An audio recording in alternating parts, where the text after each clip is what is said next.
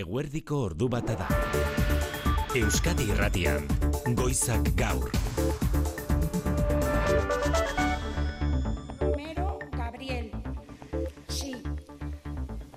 Ruiz Boix Juan Carlos. Sí. Arratsaldeon deizuela guztia izuzeneko soinua Espainiako diputatuen kongresutik. Eunda irurogeita emeretzi aldeko botorekin aterako da ez usterik ezean aurrera Pedro Sánchezen investidura. PSOE eta Sumarrez gain RC, Junts, EH Bildu, EAJ eta Benegaren babesarekin. Mikel Arregi diputatuen kongresuan azken ordua. Kaixo, arratsaldeon bozketa eguerdiko ordu baterako amabos minuturen faltan hasi da, ganberako irureunda berrogeita diputatuek banaka, ahotsa jasota emango dute botoa eta emaitza minutu gutxitan jasotzea espero dugu. Dena ondo bidean, baiezko eunde irurogeita meretzi boto jasoko ditu Pedro Sánchezek eta saioa izteko agerraldian guzti hauei zuzendu zaie estatuko lau hizkuntza ofizialetan eskerrak emateko.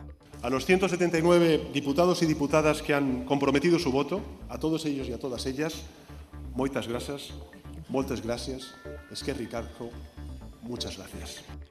Behin, kongresuaren babesa jasota Pedro Sánchezek bihar gobernu presidente karguaren zina Felipe Seigarrenaren aurrean egingo du zarzuela jauregian ostean edozein momentutan jakinarazi ditzake bere gobernu berriko ministroen izenak Monkloan egingo duten ohiko familia argazkia atera eta legealdiari ofizialki hasiera eman aurretik. Goizeko bederatzitan ekin diote gaur investidura saioren bigarren egunari, ezkerreko agendan eta nazioan iztasunaren bidean urratsak emateko legealdia izan behar duela honek ohartarazi dio Sánchezi EH Bilduk mertxe izpurua. Inoiz ikusi gabeko akordio historikoak arlo sozialean eta plurinazionalean. Orain arte bezala, momentuak exigitzen duen erankutsunkizunarekin jokatuko dugu eta aukera bakoitza probestuko dugu Euskal Herritarren bizi baldintzak hobetzeko. Nazioaren aitortzarik ez du konstituzioak jasotzen, esan du Sánchezek, baina Euskadiren berezitasuna aitortzeko adina tarte ematen duela dio. Así, en nuestra propia Constitución, la que recoge, por ejemplo, la existencia de nacionalidades y regiones, nos da el camino para poder eh, profundizar en esas, en esas ideas y, y la que permite también reconocer la singularidad eh, y la identidad del pueblo vasco. Euskadiren autogobernuarekin duen konpromisoa ere berretsi du Sánchezek Aitor Esteban jeltzaleari erantzunez. Ea jotak ez baitu horretan iskin egiterik utziko Aitor Esteban. Pedro Sánchezek izenpetu dauana beteko dau. Nire erantzuna hause da. Beteko den konfiantza handia. Txikia edo batere konfiantzarik gabe Eusko Alderdi Jeltzaleak ez dau inoiz alde batera itxiko astuta txoko batean Euskal Herriari dagokion eta ordenamendu juridikoan txertatu den eskubidea. Bere ala joko dugu berriz ere, diputatuen kongresura, gainerako lerroburuetan, inigo alustiza arratsaldeon, hogeita irugarren korrika irunen hasi eta baionan amaituko da datorren urteko martxoan arro herri lelopea. Martxoaren amalauan abiatuko da korrika irundik eta hori da arro herri leloa Euskal Komunitateak Euskararekiko duen arrotasuna adierazteko bai, baina era berean erakundei Euskararen normalizazioan politika publiko ausartak eskatzeko ere bai, aitziber balantzategia ekako kidea. Hogeita irugarren edizionetan, arro bai, baina ez konforme aldarrikatu nahi dugu. Naitezkoa da Euskal Herri osoan Euskararen normalizazioa bizkortzeko, herritarren kontzientziazioan eta aktibazioan eragitea. Baina ez ardura norbanakoen bizkar utzita. Ekialde hurbilean, gazan gerra hasi zenetik lehen aldiz suetena eskatzen duen ebazpena onartu du nazio batuen segurtasun kontseilu. Estatu batuek ezpaitute orain honetan betorako eskubidea erabili, nola nahi ere Israelek bere ala baztertu du eskaria eta gerrarekin aurrera jarraitzen du, orain gaza hegoaldean jarri ditu indarrak eta hainbat herri usteko agindu eman du orain txurarte segure utzat izendatuta zuen zonaldean. Glifosatoa beste hamar urte erabili izango dugu Europar batasunean hogeita zazpi estatukideak gaur ezpaitira ados jarri, herbizida mota hau debekatzeko. Belartxarren aurka munduan eta Europan gehien erabiltzen den herbizida da glifosatua, hainbat zientzialari eta talde ekologistak salatu izan dute glifosatoak minbizia eragin dezakeela, baina Europar batzordeak ura ez debekatzea erabaki du, mugak jarri dizkion arren esaterako estadin glifosatoa lehortzaile gisa erabili ere aurretik. Bruselatik atera gabe, obera egin du, Bruselan jipoi baten ondorioz koma egoeran zegoen zumarragako gazteak onintza segurola. Ba bai, emeretzi urteko gaztearen anaiak adierazi duenez zaintza intensituen unitatean jarraitzen du, baina hiltzeko arriskutik kanpo. Mutilak ez du gertatutakoa gogoratzen, baina bere gurasoak eta anaia ezagutu ditu. Azaroaren batean, futbol partida jokatu ondoren etxera zijoala, hogeita amar bat lagun inguruk e, beisbol makilekin, burdinezko barra eta patineteekin erasotu, eta larri zaurituta utzi zuten konorteri gabe lurrean. Esan dakoa, koma egoeran eduki dute medikoek orain arte, baina dagoeneko obera egin du. Anaiak jakinarazi digunez. Eta bestalde honintza Polizia Nazionalak futbol taldeetako hogei ultra atxilotu ditu kapea operazioa diturikoan ustez desordena publikoak lesioak eta kalteak gorrotua eta talde kriminaleko kide izate egotzi diete.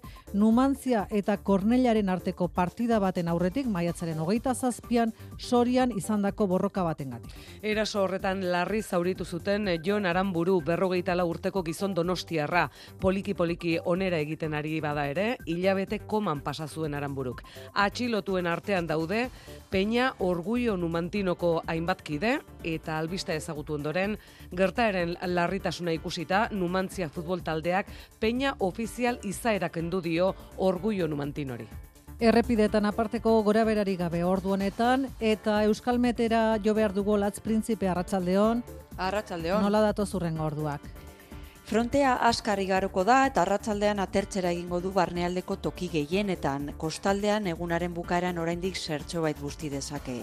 Iparmendebaldeko aizea bizibiliko da, baina arratsaldean indarra galtzen joango da. Temperaturari dagokionez, maksimoak goizean goiz neurtu dira egomendebaldeko aizearekin, eta da sotozen orduetan termometroa oroar amabost eta masazpi gradu artean mugituko da.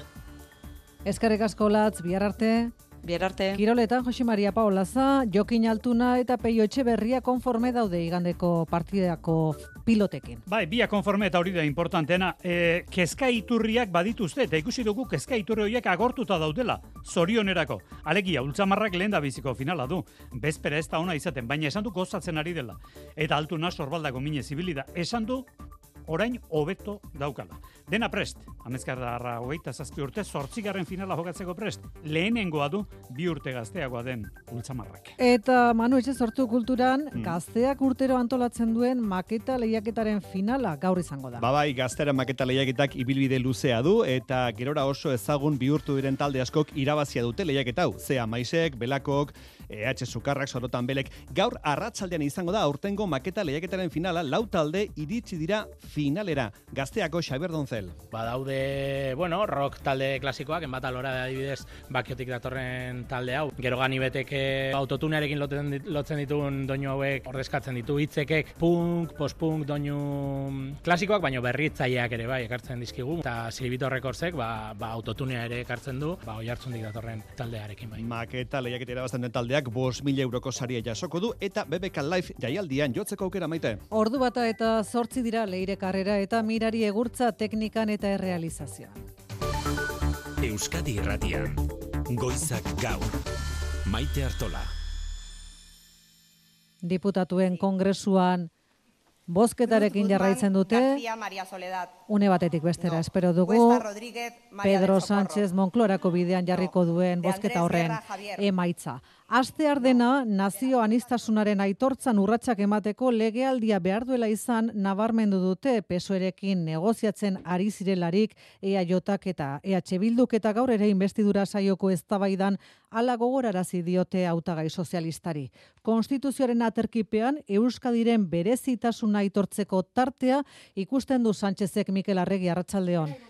Arratsaldeon bai, Euskal Herria bildu ambizioa eskatu dio Pedro Sánchezi lurraldetasunaren auzian aurrera pausu bat eman dezan. Mertxea izpuruak gogoratu dio gobernuaren makulu izango diren taldeak estatuaren izaera plurinazionalaren ordezkari direla eta horren aurrean Sánchezek konpromiso historikoa hartuta erantzun behar duela. Lurralde auzia ireki eta nazio anistasunaren eztabaida erdigunean jarriko duen legealdia izango da gaurtik aurrera martxan jarriko duguna. Aurrean dugun erronka kolosala da, eta erronka horren parekoa izango da gure konpromiso eta erantzun gizuna. EH Bilduk egindako eskariari erantzunez, Pedro Sánchezek Espainiako konstituzioa aipatu du esateko. Así, en nuestra propia Constitución, Honek por ejemplo, ere la Espainiako lurralde eta naziotasunen izatea onartzen duela baita Euskal berezitasunen kasuan ere EH Bilduk bezala Itor Estebanek ere izan ditu lurraldetasunari buruzko aipamenak EAJak PNV PSOErekin e, sinatutako akordioak Euskal nazioaren aitortza jasotzen duela gogoratu dio Sanchezi eta jeltzalek beti Euskal Herriaren eskubide historikoak defendatuko dituztela ohartarazi du. Beteko den konfiantza handia, txikia edo batere konfiantzarik gabe Eusko alderdi jeltzaleak ez dau inoiz alde batera itxiko astuta txoko batean Euskal Herriari dagokion eta ordenamendu juridikoan txertatu den eskubidea.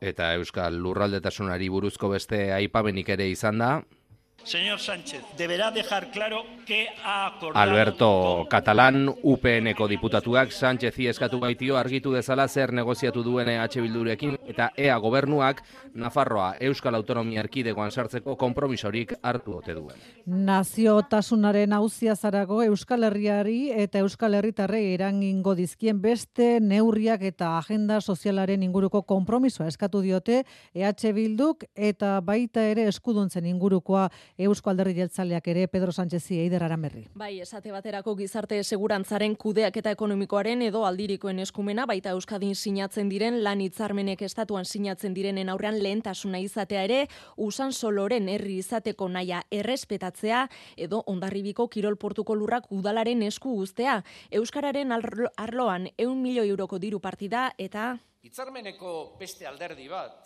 estatutoa segurtasun arloan betetzea da. Ertzaintzak polizia osoa danez, bere funtzioak bete dagi ezan portuetan ere eta nazioarteko foroetan. Ulertezina bada ere, sozialista zein popular gobernueko oin arte ekiditu dabe. Hori jeltzalen eskakizunen zerrenda koalizio abertzaleak aldiz, arlo sozialekoak eh, jarri ditu mailaren eh, gainean, adibidez, supermerkatuen prezioen espekulazioan esku hartzea, pentsioen lan baldintzen edo soldaten hobekuntzak mertxa izpuruak aurreko legealdian hartutako neurriak egokiak eh, direla zioen, Baina horietako asko aldi baterakoak izan dira eta ez dute beharrezko irismena izan. Eta ez dugu azte, astu behar. Jende asko gaski pasatzen ari dela eta premiazko erantzunak eskatzen dituela. Herritarren bizi baldintzak okertzen dituen errealitatearekin. Amaitzeko erantzunak eskatzen ditu jendeak. Eta horretarako porrot egin duten errezeta neoliberalik gabe ez omendu aurrerantzean aixaleko neurriko junturalak hartzea balioko. Tira, Sánchezek borondate ona azaldu du, bai, baina bi euskal alderdiek egindako hartarazpenek agerian utzi dute, biek dituztela erreparoak, biek dituztela errezeloak, jeltzalek diote ezin duela gertatu pasaden legealdian gertatutakoak, ezin duela gaur azaldutako asmo honekin investidurarako botoak lortu eta gero nahi duena egin, Sánchez implikazio pertsonala eskatu arren, edalontzia erdi utxik ikusten du gaur gaurkoz Estebanek, baina beste behin. Beste behin aurrera sasi guztien gainetik eta odei guztien azpitik. Beste behin aurrera EH Bilduk bezala gaurko baiezkoaren truke ez dutela ezer eskatzen zioen aizpuruak gaurrez, baina legealdian zehar beharko duen babesa ez da musutruk izango, ez da txeke zuririk izango. Oraintxe bozketaren amaiera.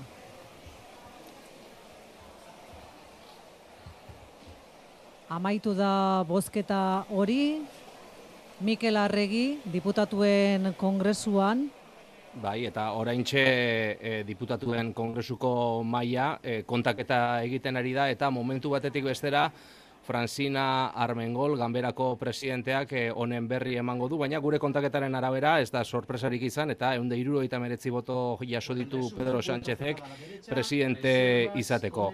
E, badator kongresuko idazkaria Armengolen gana eta bere ala irakurriko du bozketaren emaitza.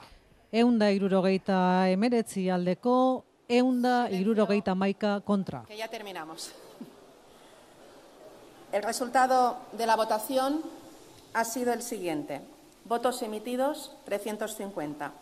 Votos a favor del candidato, 179. Votos.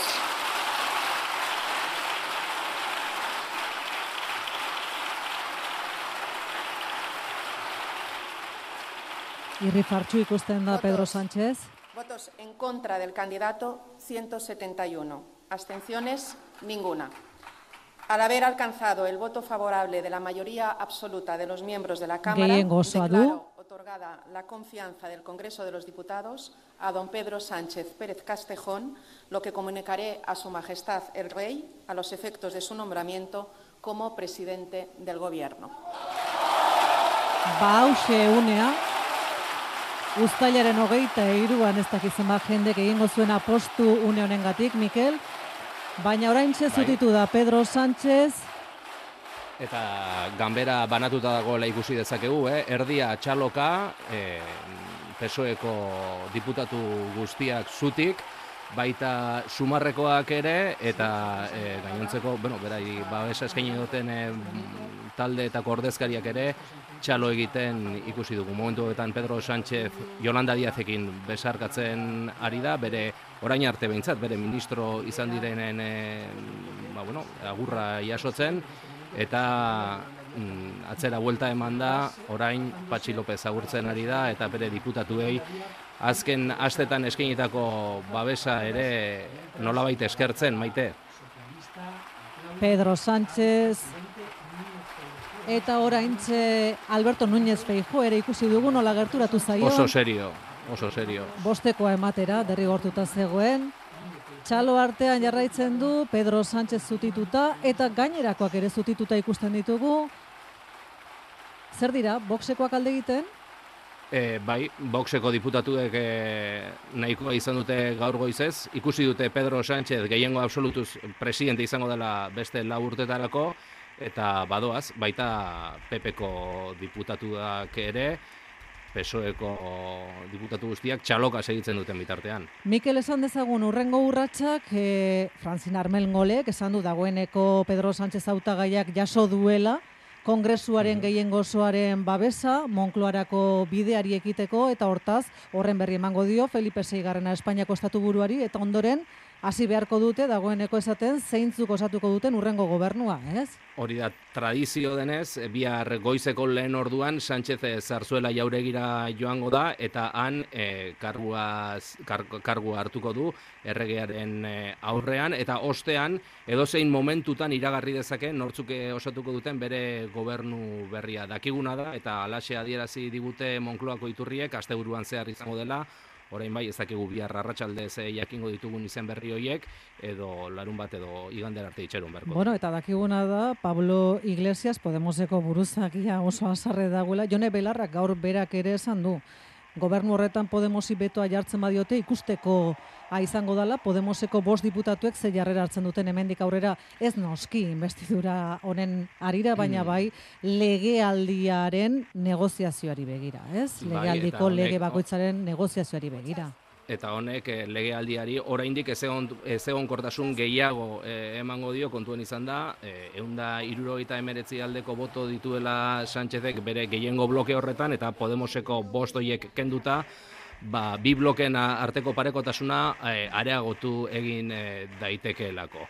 Bien bitartean maite hemen eh, kongresuan, eh, kongresu eutxik dago dagoeneko, bai. baina sumar eta eh, pesoeko diputatuek zutik jarraitzen dute eh, Sánchezi txalo egiten. Ea entzun dezagun zuzeneko txa. acompañado en este debate tan importante y ahora sí se levanta la sesión.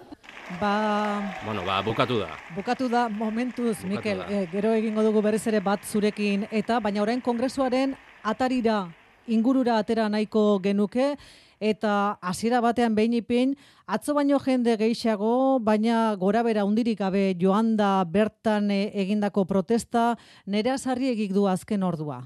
Arratxaldeon bai, PSeko Maria Luisa García Gurrutxaga diputatua, alderdiko beste bi diputaturekin gozaltzen ari zela gertatu da, goizeko zazpiterdietan kongresu ondoko taberna batean, herritar talde bat urbildu zaie, eta jazartzen eta argazkiak ateratzen hasi zaizkie, taberna kanpotik, irainak ere entzun behar izan dituzte eta arrautzak jaurti dizkiete, batek buruan jodu Herminio Sancho Terueleko diputatua. Polizia agenteek babestuta iritsi dira diputatuen kongresura, erasotzaileak identifikatu ditu poliziak eta alderdi sozialistak salaketa jarriko du. Box ez diren alderdi guztiek gaitzetsi dute erasoa eta babesa helarazi diete.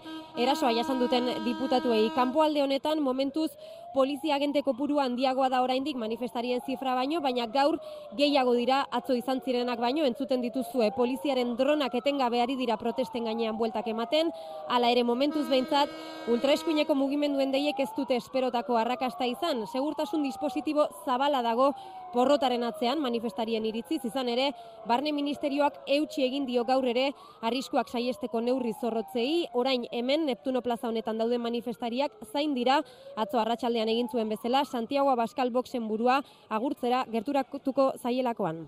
Eskerrik asko, ordu bata eta hogei minutu dira, eta iruñeko epailek bien bitartean elkarretaratzea egin dute eguerdian independentzia judizialaren eta zuzenbide estatuaren alde elkarretaratzearen bidez, helarazi dute elkarte judizialek kaleratutako agiriarekin bat egiten dutela politikaren judizializazioari eta horren ondori buruzko aipamenak gaitzesten dituena. Amnistia legeazari dira patxi irigoien iruña arratsaldeon. Arratsaldeon Maripaz Benito magistratuak herritarrei helarazi die oso lasai egon daitezkela epaileek eta auzitegiek legearen agindupean bakarrik jarduten dutelako eskubideak eta askatasuna bermatuz legearen mende edozein presio politiko baztertu zalegia. Maripaz Benito. Hay malestar y hay mucha preocupación, porque es muy importante, como digo, dejar claro que necesitamos... Benito Kazaldu du, kezkatuta daudela, batez ere magistratuaren arabera oso garrantzitsua delako argi ustea jokoaren arauak defendatzen dituztela eta funtsezko horietako bat botereen banaketa dela. Bada horiek horrela eta Sánchezen investidura erdiesteko egon diren akordioen aurrean, beste itzordu bat ere badago larumaterako deituta iruñean Sociedad Civil Navarrak amnistiaren aurka konzentratzeko deia egin du, eguerdiko amabietan gazteluko plazan, UPN, PP eta Vox bertan izanen dira. Beste aipamen bat, Espainian amnistiaren inguruan gertatzen ari dena, gertutik ari dela jarraitzen jakinarazi du Europako batzordeak. Eta ekintzak eta legea aintzat hartuta egingo du bere valorazioa amnistia hitza zehazki aipatu gabe ala adierazi du gaur Margaritis Eskinas presidenteak Madrilen Europar zuzenbideari buruzko topaketan. Europako parlamentuak bestalde datorren aste azkenean izango du eztabaidagai amnistia legea eta Espainiako zuzenbide estatuan izan dezakeen eragina Europako talde popularrak liberalen taldeak eta Vox barnean hartzen duen Europar eta erreformistak taldeak babestu dute gaia osoko bilkurarako gai zerrendan sartzea Europar batzordeak eta Espainiako gobernuko ordezkari batek hitz hartzeko aukera izango dute osoko bilkuran. Gai ezera bat aldatuta, gerra zenetik lehen aldiz gazan sueten humanitarioa eskatzea onartu du nazio batuen segurtasun kontseiluak bosgarren ahale eginean, ebazpenak aurrera egin du, estatu batuek ezpaitute euren beto eskubidea baliatu abstentzioa eman dute hala ere, Israelek bere alabazertu du nazio batuen erakunderen eskaria, eta gerrarekin aurrera jarraitzen du orain gaza egoaldean fokoa jarrita landerrizagirre. Gazatarrei iparraldetik egualdera ebakuatzeko eskatu ondoren orain egualdeko lau herri usteko agindu eman du Israelek eun mila palestinar bizi diren sonalde bada janjuni siriaren inguruan. Izan ere eta gerraren bosgarren astean ez dute oraindik jamaseko buruzagirik ez baiturik aurkitu eta Israelek bere ala baztertu du nazio batuen segurtasun kontseiluaren ebazpena zueten humanitarioa, giza korridoren esarpena eta baituen baldintzagabeko askatasuna eskatzen duena. Maltak aurkeztutako ebazpen honek amabi botu izan ditu alde, bat eres kontra, eta hiru abstentzio, estatu batuak Errusia eta erresuma batuarena. Bada Volker Turk nazio batuen erakundeko giza eskubiden goi komisarioak, ebazpena bere ala betearazteko eskatu dialdei, eta baita honako hau ere.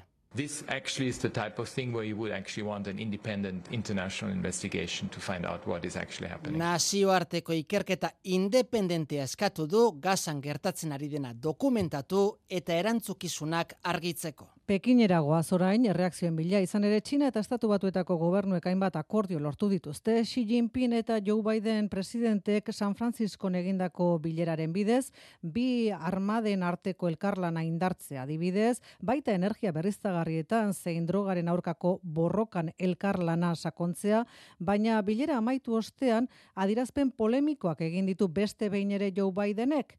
Kazetariek galdera eginda, Xi Jinping diktadorea dela esan baitu bigarrenez olatzurkia beren berri emalea Pekinen arratsaldeon. Kaixo, bai, atzerri ministerioan prentxaurkoan kazetaren galdere erantzun da ma honin bozera maiak esan du xi diktadore dela esan izana erantzukizunik gabeko komentario okerra dela. 这种说法极其错误，是不负责任的政治操弄，中方坚决反对。 Hala ere, hemen ez dutena izan komentario horrek gainontzekoari protagonismoak entzerik eta orokorrean bilkuraren emaitza ona azpimarratu nahi izan dute. Atzerri ministerioan idatze batean adierazi dute bi potentziak elkarleanan aritzea mundu osoarentzat garrantzitsua dela eta bilkura honekin aurrera pauso handia eman dela. Xik Bideni esan dako errepikatu, zatzerri ministerioak adirazi du Txina pres dagoela estatu batuekin harreman orekatua izateko, eta munduan lekua badagoela bi potentzientzat, batak garatzea ez dela bestearen txarra kontrakoa.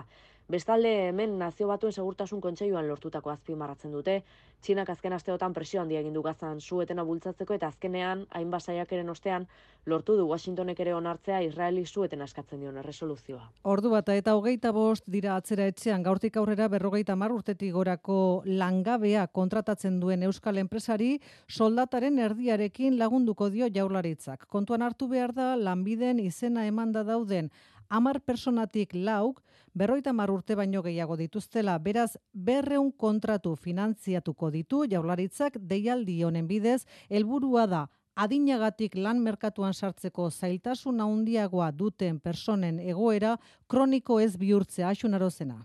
Bai horregatik erabaki duen jaularitzak berrogeita mar urtetik gorakoen artean langabezian urte bete edo gutxiago daramatenen kontratazioa laguntzea 2 milioi eta berro mila euro erabiliko ditu horretarako esan bezala gaurtik aurrera eta datorren urteko urria bitartean adin horretakoak kontratatzen dituzten enpresak laguntzeko. Printzipioz berrun pertsonen kontratazioa laguntzea espero dute jaularitzak jarriko du kobratuko duten gutxieneko urteko soldata gordinaren erdia gutxi gora bera eta laguntza euneko amabost handiagoa izango da, baldin eta emakumezkoa edo berrogeita amabost urtetik gorakoa bada enpresak kontratatzen duen pertsona.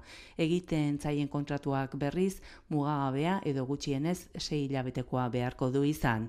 Ekaineko azken datuen arabera, Euskadin lanbiden izena emanda daudenetatik euneko berrogeita iruk berrogeita mar urte baino gehiago dituzte, emakumeak. Gehiago dira gizonezkoak baino, eta gehienek amarreti sei berrogeita urte baino gehiago dituzte.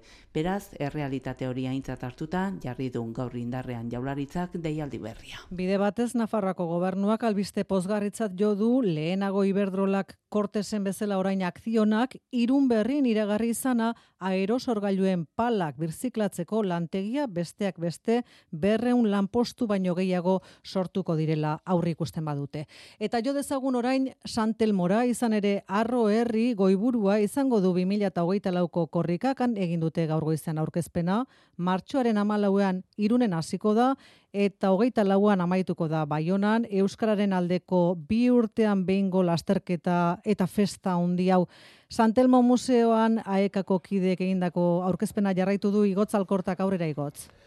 Itzekin lemapean 2022 korrika arrakastatxua izan zen, irudi horiek oraindik ahaztu gabe ditugula, badator ekitaldi berria, badator martxoaren amalautik hogeita laura, irundik baionara, eta lelo honekin, ane lehordi korrikaren koordinatzailea. Arro herri, herria batuta, arrotasunez, komplexuak gainetik kendu, mugi dezagun Euskararen herria, ingurua mugiarazi arte.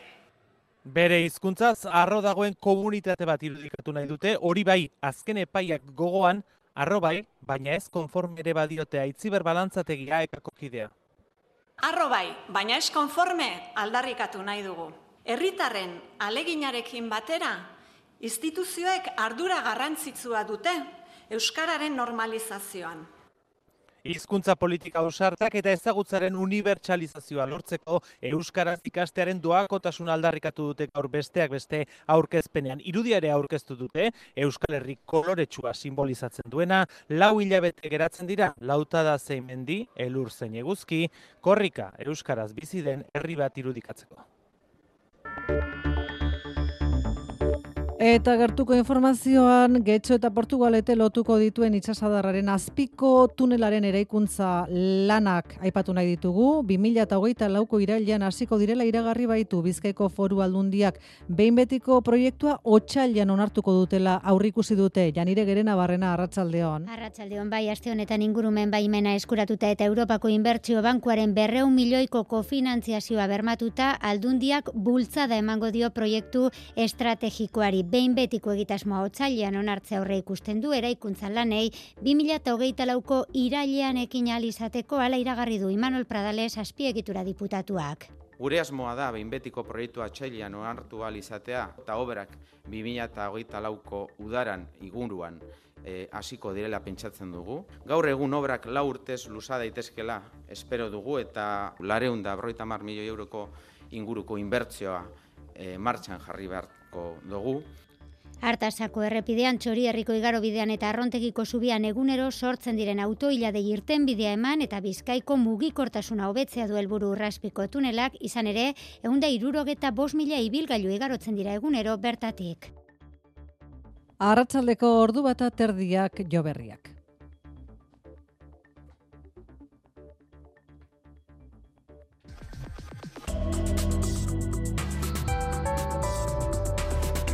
Euskadi Irratian eguraldia eta trafikoa. Errepideetatik hasita Luis Seron zein da ordunetan egoera. Eragozpen bakarra N6 errepidean jurretan Bilborako norazkoan bidetik atera den ibilgailu bat garabiak eraman zain kontuz gidatzeko gomendioa egiten dute segurtasun saietik. Eta hau urrengo orduetarako eguraldiaren pronostikoa Euskalmeten eskutik. Frontea askari garoko da eta arratzaldean atertzera egingo du barnealdeko toki gehienetan. Kostaldean egunaren bukaeran oraindik zertxo bait busti dezake. Odeiak nagusituko dira oraindik, baina odei geruza arindu egingo da. Ipar mendebaldeko aizea nagusituko da eta kostaldean indarra galtzen joango da arratzaldean. Eguneko temperatura maksimoak goizean neurtu dira, ego mendebaldeko aizearekin eta egunaren erdik orduetan termometroa oroar amabost eta masasprigade artean mugituko da.